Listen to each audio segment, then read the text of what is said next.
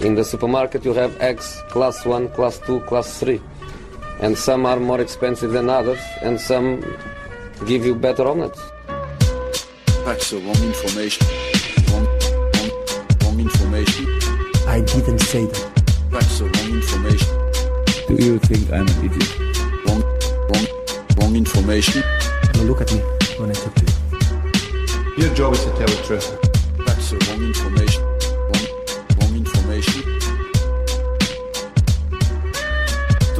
Hälsar vi er välkomna till Sillypodden. Eh, Och som ni hör är det återigen vikarien Martin Tholén som sitter här och inte Patrik Syk. Eh, En del bestående från förra veckan är att Kalle Karlsson är här idag igen. Hoppat in från semestern och eh, gästspelare i Sillypodden, stämmer. Ja, det uppskattas. Och så har vi en debutant. Simon Sjöstrand. Yes. Hela vägen från Skåne. Hela vägen från Skåne, Kristianstad. Ja, det är alltid, alltid skånska inslag här. Ja det är det. De stora fotbollsorterna där nere. Eh, vi brukar alltid välkomna folk i Sillypodden med att få berätta lite om sig själva och sitt fotbollsintresse och favoritlag vill ju alla veta. Alla vill veta favoritlaget och jag har alltid ett lika tråkigt svar att jag inte har något favoritlag som jag håller på. Men Eh, Kristianstad då i ettan ja, där, de ettan, är väl ja. lite, eh, siktar inte de mot toppen Jo där i visst gör södra de det ettan? varje år. Ja. Det kommer aldrig väl ut tycker jag. Nej men det är ju eh, Hur har det gått för dem i år? Ja nu är de väl uppe, ja det är väl övre halvan som alltid men de pendlar alltid och kommer aldrig riktigt hela vägen upp. Men eh, Jocke Persson där han har ju alltid, han ska ju alltid ha, ha toppresultat varje år. Men eh, nej det är lite från och till. Men ja. Division 1-podden kallar det drömmen eller? Nej, verkligen inte. Men eh, eftersom man är från Kristianstad så måste man ju eh, höra hur satsningen går där nere. Mm. Jag trodde att det var eh, ja, att de skulle ligga i toppen där. Känns som en sån där klubb som har mycket resurser och så. så att, Innan, innan vi går vidare, ni vann ju helgen också. 1-0 såg jag. ja, vi avslutade inför eh, semestern med en seger så det var skönt. Vi Säkert. går ju på de riktiga ligorna istället för baconfotbollen. Bacon. det är fint. Jo, ehm, vi börjar väl i Premier League. Det brukar ju ofta bli så eh, i den här podden. Ehm, där vi kanske ska börja i Chelsea. ehm, där det fortsatt är lite problem i anfallet. Vi har Diego Costa som festar i Atletico Madrid-tröjor och Det är lite intressant det där. Jag vet inte, du har sett också Karlsson? Mm. Ja, det var ju intressant att det kom upp på just i Atletico-tröjan och en hälsning till Conte där var det väl att ge honom en kram. ja, Och så- ungefär så. Just det. Så det finns lite meningsskiljaktigheter där. Det har vi Ja, konstaterat det är förut. klart att han vill, eh, han, eh, han gör ju såklart det där med någon slags baktanke. Annars hade han inte gjort det i det här läget. Så att eh, det måste ju vara någonting att han vill på något sätt sänka sin prislapp eller skynda på någon slags förhandling eller vad det nu är. Men ja, jag tror att han kommer lyckas förr eller senare. För att det blir nog så att det blir en övergång innan sommaren är över i alla fall. Och det tror jag det, det kanske är bäst för alla parter om man i alla fall inte har huvudet på plats. Och, nu tror jag i och för sig att om, om man verkligen skulle stanna så kan han säkert få huvudet på plats igen. Men eh, det är samtidigt svårt om en spelare eh, verkligen inte liksom verkligen vill ha en flytt och verkligen känner för att vara någon annanstans. Då är det inte säkert att han når upp i den potentialen han har. Nej precis, men Atletico Madrid då? Vill Diego Costa gå dit och offra ett halvår och inte spela fotboll? Eller tror ni det finns någon annan lösning där med ett halvår någon annanstans? Ja men precis, han var väl ganska tydlig med just med att eh, det här med en potentiell Atletico-flytt att han vill ju få speltid direkt. Han har snackat mycket om VM nästa år. Att det är ett stort stor, eh, mål för honom nästa år. Då vill han få så mycket speltid som möjligt. Så det talar väl kanske för att det inte blir Atletico då om han inte får spela för honom i början nästa år liksom. Men är den inte rimlig den här lösningen med utlåning i höst där? När den kom så kändes den som att ja men eh, varför inte? Jag menar han, han, han går, Chelsea kan ersätta honom direkt. Han får eh, spela matcher under en höst. En höst går ganska fort. Vi hade ändå två spelare i Barcelona som valde att inte spela alls under en höst. Nu var det i och för sig Barcelona som lockade där och det lockade uppenbarligen så mycket så de var beredda att inte spela alls. Men i det här fallet nog skulle han kunna lida igenom en höst i turkiska ligan på lån liksom. Jag, jag, tror, jag tror mycket väl det kan bli den lösningen. Det är verkligen den nya fotbollen får vi säga i så fall. Verkligen märkliga lösningar. Eh, apropå Chelsea och deras anfallsjakter så har det ju briserat en mindre bomb och det är ganska eh, Sky Sports går ut med det bland annat nu och det började ju redan igår med någon spansk journalist Agüero till Chelsea, eh, från City till Chelsea. Eh, vad ger ni för det här? Tror ni det finns någon substans i det? Eh, Ja, det finns säkert intresse. Eh, det finns det eh, säkerligen att man har eh, undersökt möjligheterna och sådär. Och sen om City verkligen vill sälja till en konkurrent. Det, det är jag osäker på alltså. Då måste de betala sjuka pengar. Och det där blir ju sån där tjuv och rackarspel. Hur mycket kan man betala för en spelare som är så skadebenägen som han ändå är? Han spelar ju inte Eh, alla matcher någon säsong för att han får de här återkommande eh, muskelproblemen. Och eh, han är ju född 88 om jag inte minns fel. Eh, han är 29 nu då. Haft skadeproblem egentligen hela sin karriär eller i alla fall hela sin karriär i Europa. Eh, jag tror inte att de kommer lägga så mycket pengar så att City vill släppa. Och det är väl någonstans där man landar. Klarar sig City i så fall med bara Gabriel Jesus? Ja, det har varit ett snack om det också såklart. Om hur, hur man fyller en potentiell lucka då efter Vega där. Och det, ja, det är svårt, jättesvårt att säga såklart. Om man eh, kan, hur mycket, vem de ska få in bredvid i så fall. Och Jesus, ja. Det, Alltså han, han håller ju när han är hel, Jesus. Och nu vet vi ju inte så mycket om hans eh, förmåga att hålla sig skadefri och leverera över tid. För att han kom, han såg så han blev skadad. Och han var väldigt bra när han spelade i våras men det blev inte så många matcher. Och sen eh, hamnade han på skadelistan och jag tror att han kommer starta få, eh, liksom säsongen som, som startspelare och vara väldigt, väldigt bra direkt. För känslan är att han är verkligen the real deal. Alltså han är, han är riktigt, riktigt bra. Eh, men skulle han bli skadad då, vad har de bakom då? Vågar de stå där med Ianacho? Behålla honom istället för Agüero och bara stå med en ung Ianacho bakom? Asch, ja, det vore djärvt att göra det. Eh, men eh, känslan är väl att Pep Guardiola vill säkerställa att det blir framgångar den här säsongen och då känns det kanske lite väl modigt att göra det. Men tror, tror, ni, tror ni relationen mellan Guardiola och Agüero är 100%? Det var lite frostigt när Agüero hamnade på bänken under en period när Jesus kom in och sen fick jag ju chansen på grund av Jesus skada då. Um, kan det finnas någonting där som gör att Agüero vill söka sig bort? Jag tror att Agüero känner nog lite själv att han inte har hundraprocentigt förtroende av Guardiola. Får man titta på hans mål, eh, alltså statistik så han hade ju inte hamnat på bänken. Han hamnar ju inte på bänken för sin målstatistik. Det går ju inte. Han gör ju mål i stort sett varje match han spelar. Då finns det ju uppenbarligen något annat som Guardiola inte tilltalas av. Och det är ju det här att han inte är eh, så bra i pressspelet. Han är inte liksom den forwarden som jobbar livet ur sig utan boll. Och, eh, jag tror att Agüero känner nog att han inte har hundraprocentigt förtroende, det gör han. Och det är klart att han skulle kunna vara öppen för en flytt till en tränare som som verkligen tror på honom och där han kanske kan få en nytändning. Men återigen, jag, så är Chelsea verkligen beredda att betala så mycket pengar som han borde kosta sett till att han ändå är så skadebenägen som han är. Innan, innan vi släpper eh, Chelsea så kan vi bara konstatera att Bakayoko nu också är klar till slut efter alldeles för många månader av rykten. Ja, det har ju dragits ut lite på tiden samtidigt så eh, Jag menar Tidigare i somras, det känns som att man väntar på till augusti innan eh, här liksom affärerna verkligen blir klara. Nu smäller de ändå in i mitten av juli så att ja, Han får ju ansluta ganska tidigt in i försäsongen så det är ändå ganska bra. Han eh, känns som att han har enorm potential liksom. Det, de köper en spelare som visst, de vet inte om det här är eh, ja, liksom en spelare som direkt kommer att vara lika bra som ja, men låt säga Matic. Men han skulle ju kunna bli eh, ett par snäpp bättre eh, om man bara hittar rätt i den här nya miljön. Du var inne på en sak där som är ganska intressant med att lagen nu annonserar sina nyförvärv väldigt mycket tidigare än vad de gjort kanske tidigare år. Eh, vad kan vi läsa av det? Är det klubbarna som lärt sig en läxa att man vill ha med sig sina spelare till försäsongen redan, alltså försäsongslägret för att gnugga ihop sig eller vad? Eller är det bara en slump?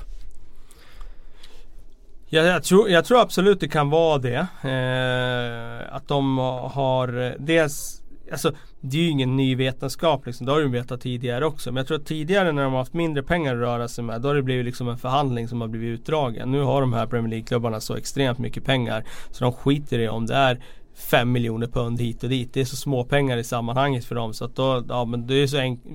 Förhandlingarna blir snabbare nu av att de har så mycket pengar. Så att om Monaco säger 40 eh, låt säga, eller om du säger 35 miljoner, eller 40 miljoner pund så och Chelseas värdering är 35 låt säga så ja men då betalar vi 40 nu. Det är inga stora pengar för oss och så får vi det här klart nu direkt. Istället för att dra det till augusti som de kanske hade gjort tidigare och så köpte han för 36 istället den där förhandlingen känns som att den har blivit betydligt kortare än vad den var tidigare. Och det är klart, det gynnar ju spelarna som får ansluta till lagen i, liksom, i takt med att försäsongen pågår. Och det är betydligt bättre än att komma när det spelas två omgångar i ligan.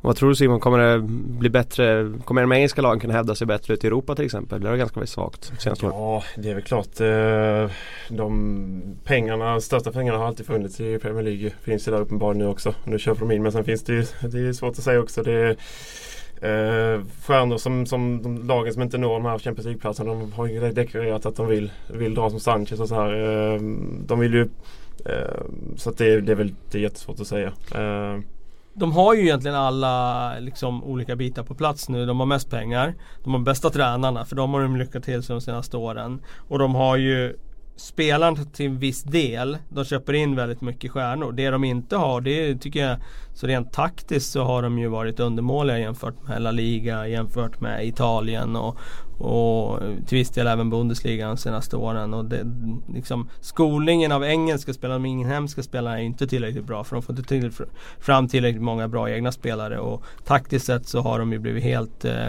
eh, avklädda när de kom ut till Europa. Så att eh, det är fortfarande ett frågetecken om de har den delen. Eh, att de har stjärnorna, att de har liksom trupperna när det handlar om bredd och så. Det är ju ingen tvekan om det. De har ju bredare trupper än vad de har både i La Liga och Serie A och i Bundesliga. Men jag är inte så säker på att de rent spelmässigt taktiskt är smartare ännu. Nej precis. Och med Manchester City nu så har de ju också landat världens dyraste mittback. Eller inte världens, Mm. som är världens dyraste försvarsspelare. Ja, Genom alla tider. bara en Eh, sån sak. Kyle Walker alltså, det var namnet som skulle bli det. Inte Frans Beckenbauer, inte Paolo Maldini, inte nästa, inte Cannavaro. Kyle Walker. Ja, en miljard var det någon gång där. Det var ju ja, som sagt dyraste backen någonsin där. Och Lindelöf blek i jämförelse nästan med sina 400. Nej men ja det är ju än en gång bevis på de här sjuka summorna. Och, eh, ja, man blir väl lite paff ändå att de är uppe i de här summorna nu. Att det, liksom, ja, men det nämns i var och varannan mening. Och att nu just Walker går för den summan också. Det, ja. Var det, var det högerbacken Manchester City behövde? Ja, då behövde ju både en höger och en vänster tycker jag då. Eh, I och för sig. Eh, och eh, Det intressanta är ju att de där extrema summorna nu även spelar över på en ytterback. Att, eh, jag menar, visst en anfallare, det är, det är de som gör målen och syns mest och så vidare. Central mittfältare, ja det är väldigt väldigt viktigt. Ja det kanske kan kosta mycket men nu, nu är vi nere på att en ytterback kostar liksom 50 miljoner pund. Eh, och då är det en ytterback som genom sin karriär har eh, varit ifrågasatt för sitt eh, försvarsspel. Eh, nu tycker jag i och för sig att de senaste två åren att han har förbättrat sig rejält. Och det är klart att han är en, en en väldigt bra högerback i Premier League, Kyle Walker. Och han kommer förstärka Manchester City som får både ett anfallshot och de får snabbhet och de får eh, ja, landslagsspelare eh, liksom rakt in i elvan. Dessutom engelsk. Men eh, han är inte ung längre. Så alltså, det är mycket pengar för en spelare som inte är eh, liksom så många år kvar. Och jag menar han är ju en sån här fartspelare. Och sådana brukar ju avta också ännu mer med åren med tanke på att när de inte har farten längre, ja men då förlorar de sin spetsegenskap. Och, ja, jag, jag tycker att Tottenham är vinnaren ur det här. I att de ändå får en bra slant och kan förstärka. Och de scoutar bara lika bra som de gjort tidigare så borde de kunna hitta en högerback som kanske inte under den här säsongen kan göra samma sak som Kyle Walker men som på sikt faktiskt kan växa ut och inte bara bli lika bra utan till och med bättre. De har ju Kieran Trippier där och det är väl ett fullgott alternativ. Han är landslags... Ja han är lite meriterad. annan typ av försvarare. Jag gillar ju han skarpt. Han har ju otroligt bra inlägg. Alltså han är ju jättebra slutprodukt. Han är ju, gör ju poäng. Eh, jag ska inte säga jämt, det gör han inte. Men eh, han har ju väldigt bra poängsnitt för att vara ytterback. Eh, eh, fantastisk känsla i den där högerfoten när han vrider in sina inlägg. Så Ja det blir inte samma fart. Eh, det blir det inte. Eh, men han har ju en sån där spetsegenskap som är väldigt svår och, och alltså, jag skulle säga nästan ojämförbar i Premier League när det handlar om just kvaliteten på inlägg. City gick ju miste om Dani Alves där. Det var därför det verkligen blev Kyle Walker. Kanske hade blivit båda, båda två till slut ändå. Men om vi ska jämföra de två, vilken, vem håller ni högst av dem? Alves och eh, Walker alltså. Dani Alves. Eh, Dani Alves är ju ändå en klass eh, liksom över de där. Så de där spelarna kontinentala där de har ju en teknisk nivå som, som Kyle Walker inte kan drömma om liksom. Och bara titta på vad Dani Alves gjorde i Champions League så är det klart att han, äh, det, det är snäppet bättre. Det är ingen tvekan om det. Ja, jag är inne på samma spår just med Alves spelskicklighet som han har. Eh, det är inte många som har det som är längre bak i fältet på det sättet som Alves besitter. De tekniska kunskaperna och eh, där är han väl, ja, inte unik men absolut bättre än Walker på det sättet. Så jag håller med Kalle helt att det är, Alves är en bättre spelare om man ska summera det hela. Ja.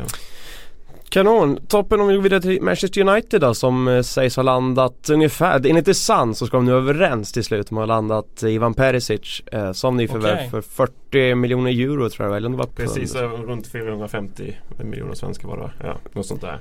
Äntligen, det är väl reaktionen eller? Ja det kanske det är. Det har ju varit mycket snack om det sådär. Eh, jag har inte sett Perisic så mycket senaste året och jag blev förvånad när han dök upp på radarn för de pengarna. Men det är nog eh, helt och hållet på grund av att jag inte sett honom tillräckligt. För de som har sett honom säger ju att han är väldigt, väldigt bra. Eh, men eh, ja, för mig har han en del att bevisa. Och som sagt det det handlar nog mycket om att eh, de senaste två åren så har mitt tränarjobb gjort att jag inte kunnat följa Serie A så mycket som gjorde tidigare. Så att det kanske beror helt enkelt på att jag inte sett honom tillräckligt. Mm. Ingenting är väl helt klart så men, men Inter har väl hållit väldigt hårt i honom om jag har förstått det rätt. Eh, men nu så den här övergången då ska väl kunna genomföras i och med att Balder skulle komma in från, eh, från Lazio. Och då är Inter ett litet, ja men de är nöjda med den swishen där liksom. Eh, som har möjliggjort det i så fall. Eh, men de har väl hållit väldigt, väldigt hårt i honom hittills vad jag har förstått det. Eh, ja. Men ni som har sett, är han så bra? Alltså jag som sett Serie A en del av det sett ganska mycket inte måste jag säga. Det är, jag tycker inte att det är någon klassspelare som går in och gör skillnad med United. det- Det är en, det- det är en truppspelare. Ja det är det jag tycker också. Alltså att, visst det är klart han kan spela där men det är ingen som du sätter in där så bara given starter kommer gå in och ösa in poäng.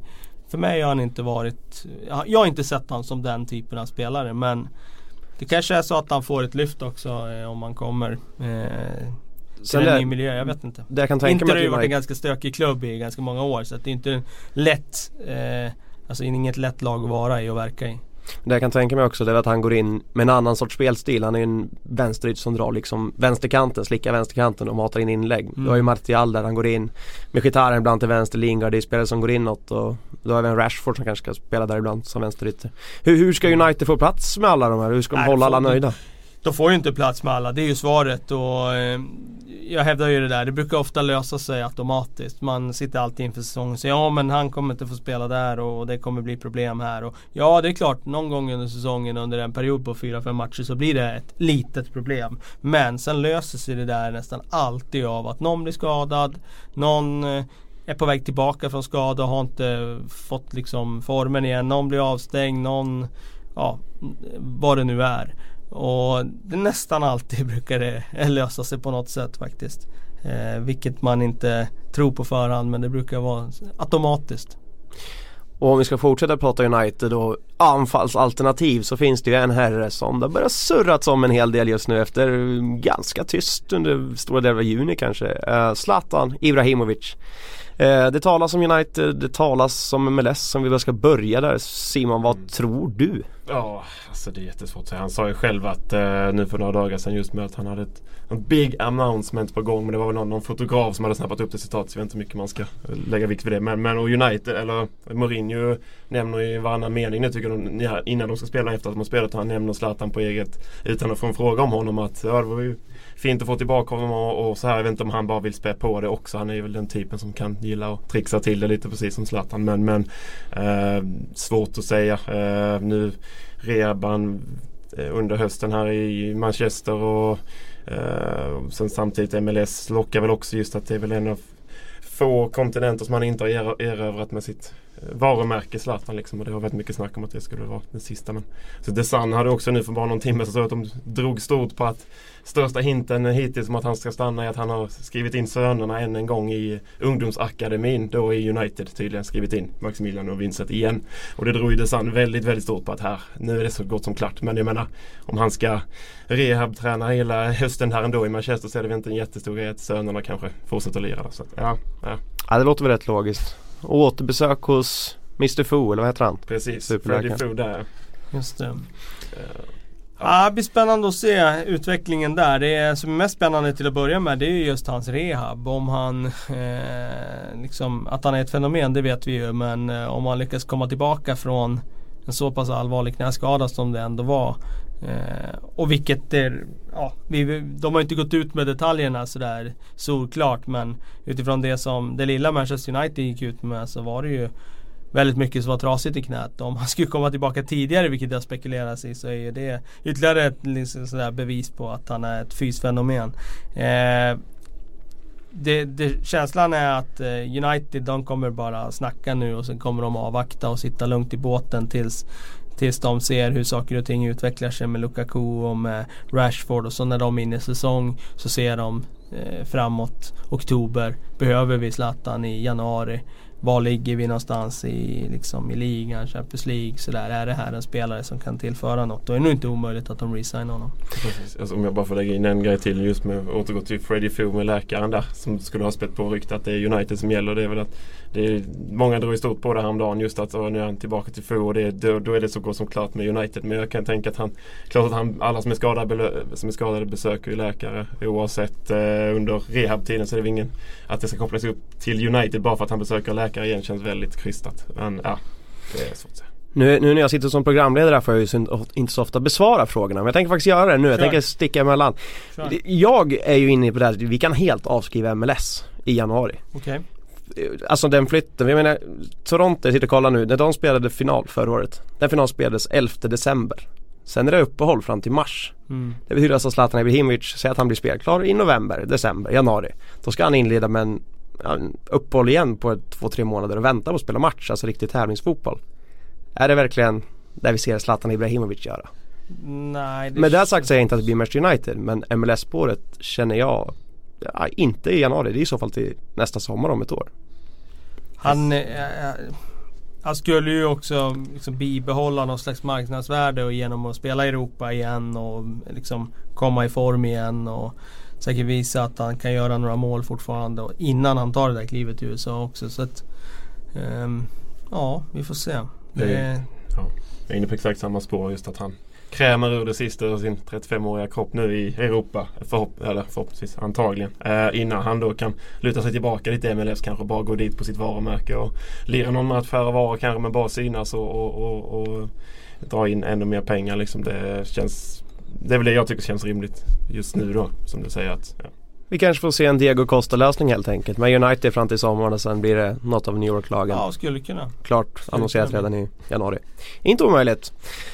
Om vi ska släppa Premier League eh, för en stund den här gången och kanske vandra vidare till Tyskland så var vi inne förra veckan på James Rodriguez och vi satt och skojade om att men vad finns det för bättre alternativ än Bayern München och, eller, eller än Real Madrid och Kalle nämnde Bayern München men det var mest som en ja det var ju inte ett seriöst rykte nästan. Det var bara någonting vi bara sia om och sen kom Ja. det. Bara en dag senare. Pang boom, klart. Smack ja. ja. Alltså som sagt. Eh, som jag sa då, jag är inte någon sån här superfan av honom. Eh, jag tycker att han eh, hypas lite för mycket. Eh, jag är inte säker på att han går dit och gör succé. Eh, samtidigt så om de vill bredda sin, sin offensiva arsenal där så blir det naturligt att titta runt på vad som finns på marknaden och de- de allra bästa finns inte där så att ja, då är det väl den där sortens spelare som de skulle kunna liksom landa i. Ehm, ja, det Real har ju uppenbarligen velat sälja eh, och det säger, det säger mig någonting om att okej, det kanske inte är liksom den här premiumspelaren. Nej Då precis. har de velat behålla han. Mm. Vad händer i Bayern då? Det börjar bli ganska fullt där också med Thomas Müller. Utesluter det här Alexis Sanchez eller lever det spåret fortfarande? Ja precis. Eh, De, häromdagen gick väl klubben själv ut med och sa att nej vi jagar inte alls honom längre. Det är, det är eh, engelsmännen som spär på det där liksom. Eh, så att, eh, men Sanchez, ja jag vet faktiskt inte det. Han gick ut och sa att han vill spela Champions League-fotboll enligt Precis. chilenska reportrar ska Precis. sägas innan vi slår fast Exakt, det. att det ska vara en stor, en stor mot just, kanske den enda, just att spela just nästa säsong direkt. CL-fotboll. Liksom. Eh, men men eh, det är väl det som, som i så fall talar för det. Men sen Wenger har väl varit väldigt tydlig med att nej men han stannar. Det är klart. Eh, men Sanchez ska ha sagt att exakt jag vill dra och spela CL-fotboll direkt. Det är inte så många alternativ kvar för honom nu. De kommer inte sälja han till en Premier League-rival. Det, det håller jag som nästan uteslutet. Med det läget som ligan är i och vad Arsenal har gjort tidigare och vad de behöver göra och så vidare. Så det tror jag blir svårt. Eh, ja, då är det PSG och det är Bayern kvar egentligen. Och det känns som att när Bayern gjorde som de gjorde nu så blir det lite mer trångt där framme. Så ja, då är det PSG kvar då. Och vad gör vi för det då? Är det Va? möjligt? Vad gör vi för det? Är det möjligt? Nej, alltså ju- min, min eh, förhoppning och eh, gissning är fortfarande att han stannar. Alexis Sanchez i Arsenal alltså. Om vi ska fortsätta i Tysklandsspåret så har vi ju en annan anfallare så det är stor ruljans på anfallare ska sägas. Det är mycket flyttar men vi har eh, Pierre-Emerick Aubameyang nu som ska ha fått något, ja jag vet inte om vi ska kalla det en deadline att nu har du ett par dagar på dig att bestämma dig. Någonstans här i slutet på juli ska de åka på försäsongsläger och då vill de ha framtiden klar. Precis. Uh, då gick de ut med för bara någon dag sedan. Ja precis. Och han, uh de inte vänta längre helt enkelt på honom. Uh, Chelsea gav honom ett jättebud. Nu var det 760 miljoner. Någonting sånt där. Ehm, och ska väl leda jakten på det sättet. Så det, det som det känns, känslan är väl att i så fall det blir Chelsea just nu då. Jag vet inte men, men det är väl det hetaste spåret just nu som jag ser det. Jag vet inte Mm. vad kallas. Ja, jag protesterar inte. Inte alls. Nej, alltså jag tror att han kommer gå i sommar. Eh, och eh, då blir det ju en fråga om vilka är beredda att lägga de där pengarna. Vilka är mest desperata? Just nu är det Chelsea som är mest desperata efter en anfallare. Och det skulle inte förvåna mig om de landar till slut i, i Åba. Inte Aguero till Chelsea och City plockar Aubameyang. Ja, skulle ju i och för sig kunna bli men eh, de har ju Jesus så jag har svårt att se att Aubameyang skulle hamna där i någon slags eh, Ja Inte helt uttalad liksom första striker. Nej, då, då tror jag nog mer på Chelsea i så fall och att Agüero stannar.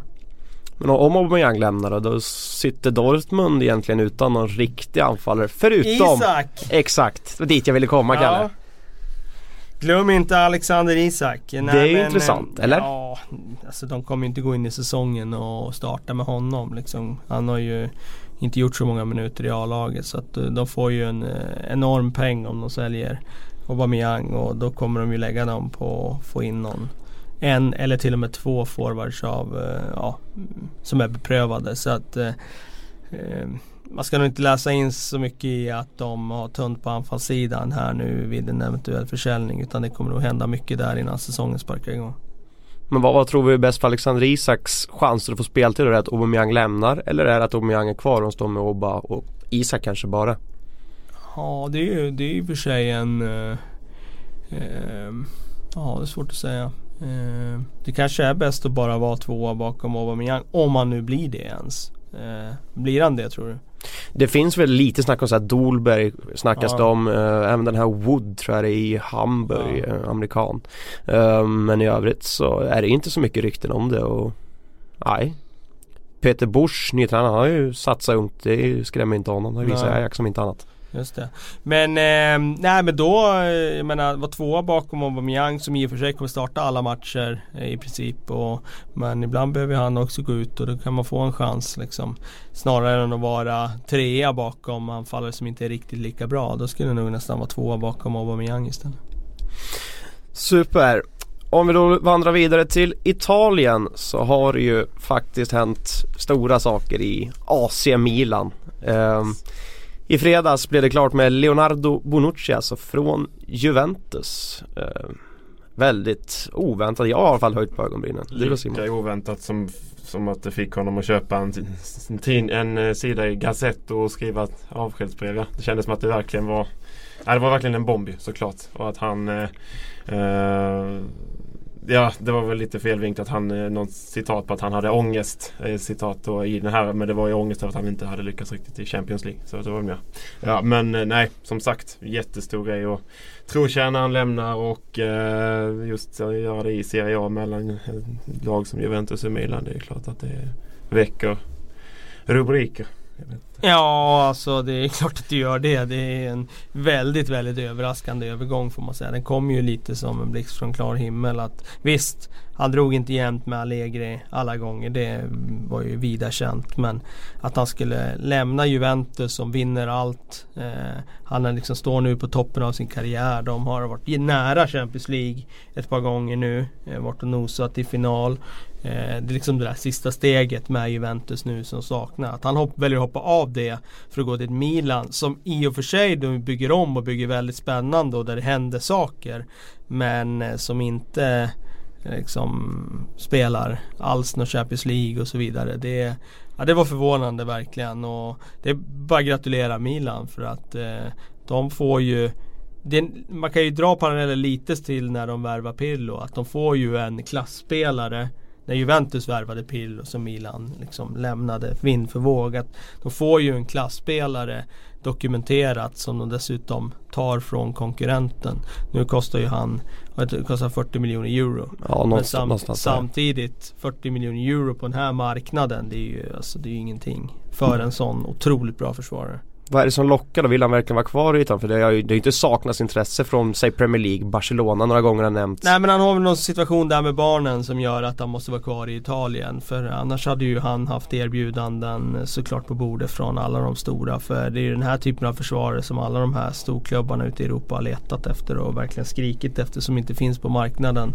Eh, defensivt stabil och en helt eh, eh, exceptionell passningsfot. Så att eh, nej det, det, det är bara att gratulera Milan. Det, nu tog deras projekt ungefär sju steg framåt. Eh, bara av att få in den här kvalitetsspelaren.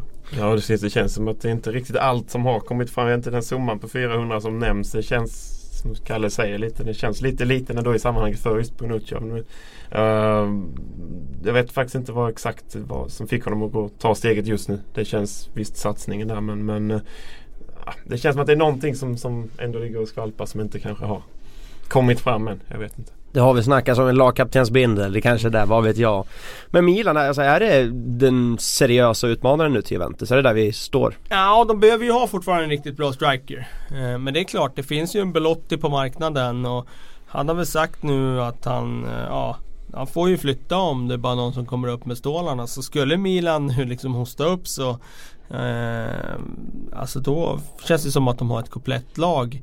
De har eh, eh, ja, behållit sin målvakt, de har förstärkt försvaret, de har förstärkt mittfältet. Skulle de dessutom plocka in en, en riktigt bra målkälla då, ja, då, då har de ju en komplett elva. Däremot Lite långt steg att säga att de är favoriter till titeln men då, då är de ju absolut med och utmanar på allvar, det är de ju. Ja och det var ju nu snack om att de var i princip överens med Morata också. Att de skulle plocka in honom. Eh, och bara det gör ju det hela ännu, ännu större. Och frågan som, eller som snurrar där ute är väl just att var ska det sluta? Får de ihop någonting? Blir det för bra? För mycket av kakan nu? Hur får de ihop laget till slut? Är det för det är bara 11 spelare på plan. Blir det för, för matigt för att de ska liksom hantera det? Blir det jag vet inte. Men snacket går ju om det att det blir storhetsvansinne helt enkelt. Vi kanske ska bolla över den frågan till coach Karlsson. Hur, hur svårt är det att bygga? Det är ju ett i stort sett helt nytt lag eh, de ska ställa på benen. Går Ja. det att göra och få upp det på Ja det gör Alltså. det absolut. Eh, det går. Eh, det har vi sett ganska många exempel på att det verkligen går. Det, det, det det handlar om det är egentligen att man har gjort lagbygget bra från början. Att du, du har spelare som passar ihop med varann. Och har du smarta spelare så kan de absolut spela med varann på kort tid. Eh, så det, det går absolut. Tycker du att de har det? Värvat bra, alltså värvat klokt att det ser ut som att de har en komplett trupp. Det känns som väldigt många centrala mittfältare. De verkar inte alls använda kanter nästan. Nej precis, och det, nej precis så är det ju och det talar väl för att det kanske blir något system som eh, Montella får sätta där och med, med ja, De kanske har något i åtanke som inte vi övriga liksom har insyn i som eh, ja, är anledningen till att de har sånt överflöd på centrala liksom. Det kanske blir ett 4-3-1-2 som vi såg med Ancelotti Ja, som skulle bäst. kunna vara. Skulle kunna vara. Eh, men eh, vi, vi får nog avvakta lite till in på silly och se vad de värvar innan vi slår fast det. Bara Zlatan som saknas där nu.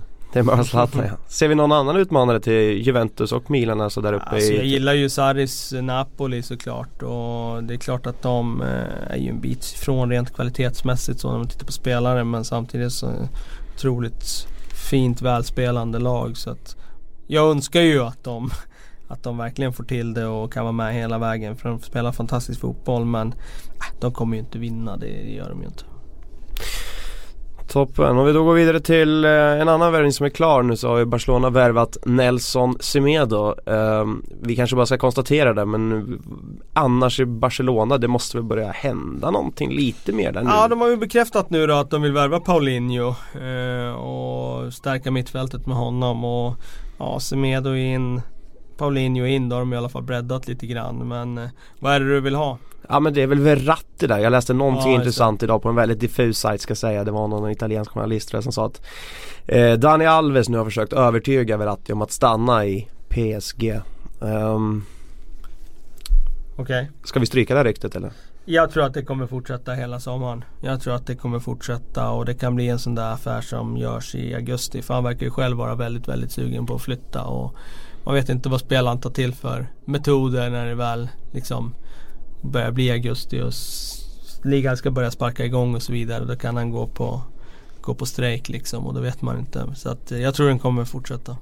Och jag vet ju att du varit väldigt, tidigare i alla fall varit väldigt förtjust i just den möjliga flytten Verratti till ja, Barcelona. Ja, absolut, absolut. Nej men det är ju den spelaren på pappret som skulle kunna liksom verkligen, verkligen förstärka deras startelva. Det är inte så många som skulle göra det men eh, han är ju sån där både i spelstil och allt. Han skulle ju passa så otroligt bra där. Och ja, den, den flytten skulle vara logisk och eh, ja, väldigt, väldigt bra för Barcelona. Och då tror jag inte det är omöjligt att en sån som Busquets på, på lite sikt här kanske tar den där flytten som han har pratat om och nämnt lite sådär för i liksom förbifarten någon gång att han skulle haka på Pep till Premier League. Till Manchester City alltså? ja i så fall. ja, det exakt. tror jag ligger nära till hans då. Innan vi släpper Spanien-spåret helt så måste jag få uppmärksamma den här One Season Wonder som vi, jag vill ha med i den här podden. Mitchu som idag alltså har avslutat sin eh, karriär. Vi minns honom kanske från en säsong men vilken säsong det var i Swansea. Ja, Flyttade från Rayo Vallecano. Ja. Han ehm, eh, dunkade in två mål direkt i första omgången. Kommer ihåg han curlade en i krysset och eh, gjorde en otrolig säsong där och då var det ju snack om Arsenal och alla möjliga klubbar och det var 25 miljoner pund. Vilket var en väldigt, väldigt stor summa då. Hade den omsatts till dagens eh, penning eh, prislapparna som nämns då hade vi snackat 45 miljoner pund. Eh, så pass mycket har ändå priserna ökat. Eh, för den typen av spelare som bara kommer sådär från ingenstans och visar sig vara väldigt, väldigt hög klass. Sen, eh, ja, sen gick det ganska snabbt utför. Eh, väldigt, väldigt tråkigt att det har gått så pass mycket utför så att han känner att han inte kan ens ta sig tillbaka till toppen. Nej det var ju landslagets debut och sen blev det en flytt till Napoli på lån. Swansea då? Hur, hur mår de? Idag, eller kanske, det borde de liksom ha känt för några år sedan också men de, de lånar så ut Mitchen. De kunde ha sålt honom för säkert 20, kanske 30 miljoner pund om de hade fått riktigt bra för honom. Men de lånade ut honom Ja. och fick tillbaka honom gratis. Ja, för en klubb som Swansea är ju det mycket pengar. Eller i alla fall var mycket pengar. Idag med TV-avtal och sådär, då är det inte lika mycket pengar. Så idag tror jag inte, jag tror inte de sitter och gråter idag. Det tror jag inte de gör. Men under de här åren när hans karriär verkligen var liksom gått rakt ner i källan så är det klart att de har tänkt tanken att varför sålde vi inte där och då tog en massa pengar som vi hade kunnat återinvestera i den här truppen och fått in spelare som hade höjt laget rejält. Det är klart att men man kommer alltid göra misstag. Det kommer alla göra oavsett klubb och oavsett vilken sportchef det är eller vad det är. Det, det är omöjligt att göra allt rätt liksom. Du går på dina nitar och du måste ta besluten utifrån det du vet där och då. Och det, det är inte alltid så lätt att, att ta de där besluten. Har vi andra one season wonders? Ja, alltså, jag kommer ju på att tänka på uh, sådär när du säger uh, One Seasons Wonders. En sådär som Amir Saki. Han uh, dansade ju verkligen en höst där i Premier League. Exakt, Eh, Wigan va? Ja precis, var ju stekhet där och gjorde en massa mål. Och eh, sen blev det inte så mycket mer. Rocky Santa Cruz hade ju också en sån där säsong i, i Blackburn när han var glödhet och köptes av Manchester City sen. Och ah, det blev inte så mycket mer av det heller. Eh, så det är klart att det har funnits sådana där riktiga one season wonders. Eh, Du kanske skulle lägga in Michael Johnson där också, det var jag som tänker på mittfält Manchester City. Ja, det var ju för sig lite andra problem kanske som gjorde att han inte höll sig hela vägen. Um, är det ett engelskt fenomen där? Att de bygger upp dem via media? Eller vad, hur kommer det sig att vi landar i ett one season wonder? Ja, jag vet inte om det är engelskt fenomen. Jag tror inte det är att media bygger upp dem sådär. Utan de, på något sätt bygger de ju upp sig själva genom att eh, jag menar, ta Michu, det är klart att media skriver om honom. Killen gjorde nästan 20 mål som offensiv mittfältare. Det vore konstigt om de inte skrev om honom och hyllade honom liksom.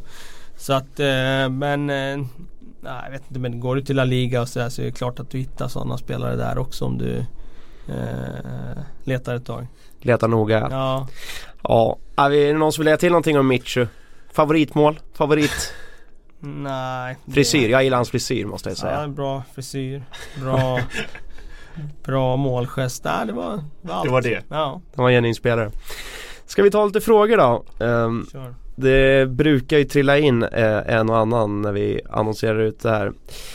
Um, om vi ska ta Kung Spekter här som eh, frågar Vem skulle drömspelaren vara på Uniteds mittfält eh, tillsammans med Pogba och Herrera? Ja, Verratti men eh, han är ju omöjlig att få loss för dem så att det det beror på om vi går på Nu skrev han drömspelare Inte realistisk Det säger han inte med så Nej. då får du väl drömma fritt. Ja nej men då Verratti är ju bra alltså det är, Men det jag menar det ju vara en drömspelare för alla lag i Europa så det är inget unikt så Men eh, jag har ju sagt återigen en ung Michael Carrick men eh, var hittar man den? Det är, det är inte så lätt Eh, Jag ser inga sådana spelare som Som bara blommar ut här och där i Europa men Det skulle ju vara det allra bästa för För deras del Fabinho kanske du landar i till slut. Ja det precis, är så där. det är ingen dum värvning. Det är ingen dum värvning. Jag, jag, jag håller nog Fabinho eh, som en bättre värvning egentligen än Matic. Samtidigt så verkar ju Mourinho så otroligt förtjust i Matic och då kanske Matic i alla fall är den bästa värvningen bara för att tränaren liksom Det är hans favoritspelare. Han kommer att göra honom bra för han kommer spela honom precis på det sättet som passar honom.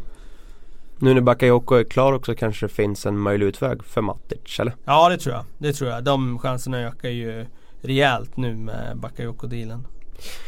Ludvig Jansson eh, undrar Kovacis, Inacho och Barkley har ryktats till Spurs. Värvningar som gör att de klarar både Premier League och Champions League samtidigt. Ja det tror jag om de skulle lösa alla de där. Det tror jag absolut. Eh, sen man, får man ju väga in vad som är klarar. Alltså klarar för mig med Spurs det är ju att gå vidare från gruppen och kanske nå Ja, klara en slutspelsomgång liksom. Mer än så kan man ju inte liksom spänna bågen. Eh, men absolut med sådana där spelare så skulle ju truppen bli bred och de skulle kunna dubbelspela. För det är väl ligatiteln de måste snart börja snegla mot Ja, med tanke på de säsongerna de gör eller? Ja det tycker jag. Det tycker jag. Det, nästa säsong så ska ju ju siktet vara inställt mot och liksom gå hela vägen ligan. Exakt. Milan eh, gör mycket bra, kloka och bra värvningar till vettiga priser. Men Financial Fair Play då? De måste ju ligga risigt till med den, undrar Robin Nilsson. Men är det verkligen så? Är det inte kinesiska ägarna där som har gått in med så pass mycket pengar ändå så att de klarar av att täcka de utgifterna? Jo visst är det ägarna som ligger bakom det. Eh, de var, hur exakt lö, lö, löd frågan igen sa du? Att de skulle Ja, de ligger risigt till med Financial Fair Play med tanke på alla värvningar de har gjort. Men det är väl sådär att Ja. man får göra förluster under ett år, är det inte så? Eh, sen får man inte göra dem för stora över en treårsperiod eller vad det är. Men jag tror att de Jag tror att de jag tror att går runt regelverket lite genom att gå jätteförlust ett år här nu och sen kommer de klara det nästa år och nästa år och då tror jag de håller sig inom ramens gränser i alla fall. Det har ju ändrats så mycket de där reglerna kring eh, Financial Fair Play. Det var ju så extremt eh, liksom påfallande att de verkligen var där och var stenhårt regelverk för några år sedan. Sen släppte de ju på det där och efter att de släppte på det där så har inte jag faktiskt i ärlighetens namn eh, tänkt så mycket och funderat så mycket på det där. För det känns som att det inte varit någon liksom, hot av att någon ska bli utslängd på grund av det där. Men Eh, nu kom det där upp igen här för, ja det var ju den här sommaren liksom någon, folk började snacka om det igen. Eh, det är klart att det finns fortfarande någon slags sådär men jag tror att de, det finns säkert kryphål ur det där nu. Var det inte PSG och sådana som gjorde det de första åren och lyckades krypa ur de där hålen till slut också? Så. Jo, det känns som det. Exakt. Eh, Måns Johansson skriver Aubameyang och Agüero ryktas till Chelsea. Hur skulle spelet förändras med någon av dem istället för Diego Costa? Ja, de får inte den där targetspelaren. Jag tror att de behöver den typen av targetspelare. Det är klart att det vattnas i munnen om man tänker på en anfallstrio med Hazard, Agüero och Pedro. Så små, kvicka, tekniska, kan göra sin spelare och så vidare. Men jag, som sagt, jag tror att på det sättet de spelar så tror jag att de skulle må bra av att ha en eh, spelare som kan suga fast bollarna och då är jag inte helt säker på att att det passar att ha ytterligare en sån där liten forward där framme men jag kan ha fel. Jag, jag, skulle, jag tycker ju Diego Costa passar perfekt det sättet de spelar och sådär. Eh, och Lukaku tror jag också hade passat väldigt bra där. Skulle du hellre då föredra en Belotti till exempel som ändå finns på marknaden? Det är återigen det där Belotti, hur bra är han liksom? Alltså jag vet inte hur bra han är för jag har sett han för lite. Eh, är han liksom den där premiumanfallaren som kan liksom Ja uppenbarligen hans prislapp verkar ju bli eh, skyhög så då ska han ju vara lika bra som Aubameyang då. Men jag är inte säker, är han det? Ja det är ju mycket tveksamt. Alltså, eh, han har levererat till Torino liksom Ja. och i landslaget men eh, det är ju samtidigt konkurrensen där när det är Immo- Immobile och Belot- Belotti på topp. Det, det låter ju inte mördande alltid. Det så jag vet inte vad man ska ge jag för det heller. frågetecken där så eh, ja, Jag hade nog kanske valt eh, För stunden hade jag valt eh, Aubameyang och, och Agüero framför hon- honom men samtidigt Allra helst liksom en Diego Costa typ Men vad blir problemet då med att ha en mini-trio så att säga? Nej, så problemet tror jag rent allmänt med, med Chelsea är att eh, om, om de inte får fast bollarna så eh, så kanske inte Agüero, eller förlåt, kanske inte Hazard och Pedro hamnar i, i, i rätt situationer. Och eh, det blir lätt om man spelar 5-4-1 som de gör i försvarsspel att du lämnar en spelare högt upp och du försvarar med övriga. Då, då behöver ju han kunna suga fast bollarna när du väl vinner den. Och jag är inte säker på att Aubameyang gör det felvänd. Men eh, vi får se. Kanske så länge man tar ledningen i matcherna med Chelseas system så är det väldigt, väldigt bra. Eh, när du inte gör det då är det svårare. Men det gäller ju ganska många också. Det är klart att det är lättare leder att få ställa om. Det är, jag tyckte det var så de spelade stor del av förra säsongen. Alltså de, de tar ledningen och sen sitter de lågt med sin fembackslinje och försvarar sig extremt effektivt. Eh, och ingen liksom hittar några vägar förbi den där femman där bak. Jätteduktig målvakt dessutom som är jättebra i luften. Som går ut och plockar allt i inläggsväg. Och så har de pilsnabba omställningsspelare på kanterna. Och, eh, men hamnar man i underläge så man får möta lag som parkerar lågt och sådär då är det betydligt svårare och då behöver man kanske lite mer närvaro i boxen. Eh, när man inte får vara eh, liksom den här omställningsspelaren och springa in bakom som är Aubameyangs absolut främsta egenskap. Då behöver man kanske en sån där buffel som Diego Costa i straffområdet liksom om om motståndarna sitter lågt med fembackslinje, vilket många motståndare gör idag. De har ju kopierat Chelsea och också använder fembackslinje. Och eh, ska man skicka in massa inlägg då på Pedro, Hazard och, och Aubameyang då, då är jag inte säker på att det är så effektivt. Eh, klart att du kan eh, liksom kombinationsspelare igenom och instick och allt det där men det är svårt. Vi såg United i sin träningsmatch häromnatten spela trebackslinje. Lindelöf sa att han inte var van vid det. Är det någonting som United tänker anamma, alltså på fullo den här säsongen tror vi eller? Jag tror att de kommer variera. Det känns som det. De, har, eh, de gjorde det i fjol under våren. Använde de trebackslinje då. Då och då. Jag tror att de kommer att bli flexibla som vissa lag har varit och, och använda det ja. Men det kommer också vara matcher när de inte, när de spelar fyrbackslinje. Vi tar med United från Haget Ottestam som undrar Behöver inte United köpa en vänsterback eller håller jag på att bli galen? Ja, det behöver de ju i och för sig. Men det beror ju på om de tror på Shaw eller inte. Tror Mourinho på Luke Shaw, vilket man kan sätta ganska många frågetecken efter. För det har ju varit si och så med det. Deras relation. Men tror han på honom, då finns det ju en mitt, eller en vänsterbacksämne där som skulle kunna bli något om han nu får karriären tillbaka på rätt spår. Efter alla skadeproblem och så vidare. Annars så ja, då behöver de ju en vänsterback.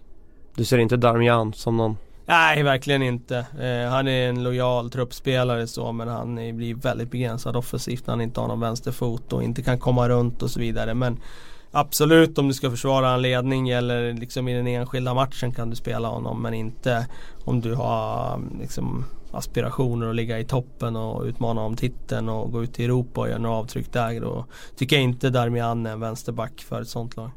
Men Luke Shaw då, vad är det liksom som har gått gal? Ja, det är ju framförallt skadorna för han var otroligt bra innan sitt benbrott han fick där när han bröt benet borta i bortamatch mot PSV i, i Champions där. Han eh, har ju eh, dels haft svårt att komma tillbaka utifrån skadorna men också så har det väl varit en form av eh, att relationen mellan han och Mourinho inte har varit så bra. Mourinho tror jag, om man läser mellan raderna så tror jag Mourinho kanske tycker att Shaws attityd har varit lite si och så. Jag kan tänka mig att han tycker att han ska kämpa hårdare för att komma tillbaka i riktigt bra fysisk form. Shaw själv tycker att, ja men vadå, jag borde spela ändå. Eh, jag kan se det framför mig. Och sen är de inte riktigt överens där om tränaren tycker inte att spelarna har gjort tillräckligt. Spelaren tycker att han borde spela ändå. Och så står de där någonstans mittemellan. Och, eller sanningen ligger där mittemellan. Och, och ja, det har inte funkat liksom. Han har inte känt något förtroende och inte fått chansen och då har han liksom varit ännu svårare att komma tillbaka. Men en Luke Shaw med förtroende då? Hur skulle, hur Nej, bra jag, skulle tror, det vara? jag tror ju fortfarande att han skulle kunna liksom bli en bra vänsterback. Eh, fortfarande ung, han är väl 95 om jag inte minns fel. Men han är fortfarande bara 22 år. Och jag, jag tror att han fortfarande skulle kunna vara en bra vänsterback. Men eh, han behöver ju han behöver lägga ner ett jäkligt hårt jobb själv också för att det är klart eh, Det fanns perioder under de här två åren när man kände att han inte var kanske i rätt fysisk form. Ja exakt. Oskar Sundin har en väldigt lång fråga men om vi sammanfattar den så vill han att vi ska reda ut den ständiga ytterbacksfrågan när man får bjuda en halv miljard för Kyle Walker. Eh, och varför man måste göra det när det finns dugliga ytterbackar som Kursava och Digné nämner han också. Ja, Ehm. ja, dugliga, med be- betoning på dugliga för de är ju inte mer än dugliga tycker jag. Alltså, de är bra men de är inte fantastiska. Jag tror att så här att Anledningen till så få ytterbackar idag på marknaden det är för att ytterbacksrollen har blivit så komplicerad, så svår. Alltså den Förut var du ytterback då skulle du stå där och skulle smacka ner några bollar i kanalen i uppspelen och du, det räckte med att du inte blev liksom uppsnurrad av din ytter. Nu dels så behöver du ha eh, enorma lungor, du ska pumpa upp och ner, du ska vara bra defensivt. Du måste ha fantastiska inlägg för du ska liksom ha en slutprodukt offensivt. Och du ska såklart som alla moderna spelare kunna vara bolltrygg och sådär. Det innebär att som ytterback idag, du ska ha spetsegenskaper på några områden plus att du inte får vara sårbar defensivt för då kommer i alla fall ingen använda dig. Så det, det har blivit en väldigt, väldigt eh, svår arbetsbeskrivning och det är få som har alla de där grejerna. Och de som har alla de där grejerna, det är inte så många. Men de som har dem, de blir ju väldigt, väldigt attraktiva. För ytterbackarnas alltså, liksom, arbetsbeskrivning har ju blivit eh, att vara offensiva, liksom följa med och så vidare. Och det, det blir ju ett väldigt bra anfallsvapen om du har en ytterback som är väldigt, väldigt bra. Men eh, det är få som, oftast är det kanske någon som Kyle Walker som är jättesnabb. Och jättebra så men då har du inte den taktiska delen. Eh, du kanske inte har liksom, positionsspel och sådär istället. Och då, det är alltid någonting det tummar på liksom. Vilka ser vi kvar på marknaden idag av de här spetsspelarna som är ytterbackar? Mendy kan vi komma Ja precis, det tycker jag ju att han är riktigt, riktigt bra. Och jag är lite förvånad över att City till exempel inte har liksom bara smackat den dealen. Kanske för att Monaco vägrar att sälja, jag vet inte. Men eh, det tycker jag är en sån där vänsterback som skulle kunna bli verkligen ja, toppkvalitet liksom. Han har fysiken, han har eh, tekniken, han har inspelen, han har liksom Nej men han har det. Eh, och det är inte så många sådana men eh, han är en av dem. Ser vi någon mer? Ja, det finns ju säkert men eh, ja, det, är- det är ganska få ändå. Eh, det, ja, nej jag kommer inte på något så många. Då tar vi Alexander Ådjers frågeställe. Han undrar vad händer med Samir Nasri? Det är ganska intressant för han är med och tränar med City nu men där kan han väl inte stanna? Säger du Simon? Ja, det... Tror du han är kvar i City om vi börjar där? Om han blir kvar i City? Mm. Uff, det är jättesvårt att säga. Ehm, ja, jag vet faktiskt inte. Ehm, ja, nej, det har jag svårt att se egentligen. Om han, han är där och tränar men um, han skulle gå in i det laget. Nej, jag har svårt att se det. Jag vet Nej, inte. ingen väg tillbaka där riktigt tror jag. Jag tror han tränar där nu för att han har ingen annan hemvist och han, de har ju ett, eh, liksom, säkert en anledning att hålla värdet uppe liksom. Så att vara schysst mot honom. Så att eh, nej, det, han tränar nog där och sen kommer han signa med något annat lag till slut. Det är jag rätt säker på. Vad blir det då? Fenerbahce? Ja men Spanien eller Turkiet eller något sånt där. Det är väl där han passar. Då tar vi Jonathans fråga här. Som Real Madrid-supporter är man ju väldigt glad över att det gjorts vettiga värvningar. Vad tycker ni att Real bör värva eller ska man vara nöjda med det så som det är nu? Vad behöver de egentligen? Ja, det är laget som vann alltså Champions League. Som, år i rad Ja, två år i rad. Det snackas ju lite om Mbappé. Ja, Och det snackas lite om Bale ut. Ja, det är ju kanske då en sån typ av uppgraderat att få in lite ny energi där. Nu tycker jag Bale är bra, absolut. Men hans kurva känns inte som att den pekar uppåt. Han har pikat nu i Real. Han har varit där ett par år nu och ett par tre år och han har eh, gjort det bra liksom. Och sen drabbas av lite skador och sådär och nu känns det som att han kanske har pikat. Skulle man växla ut honom, få en bra slant vilket man kommer få för honom och köpa Mbappé och få in liksom en ung stjärna så tror jag det skulle kunna vara bra business utifrån Real Madrids affärsmodell och allt det där. De behöver Även om de har vunnit två raka Champions League så behöver ju de den här nya injektionen av en Galactico eller vad man vill kalla det för att liksom de ska vara Real Madrid med allt vad det innebär.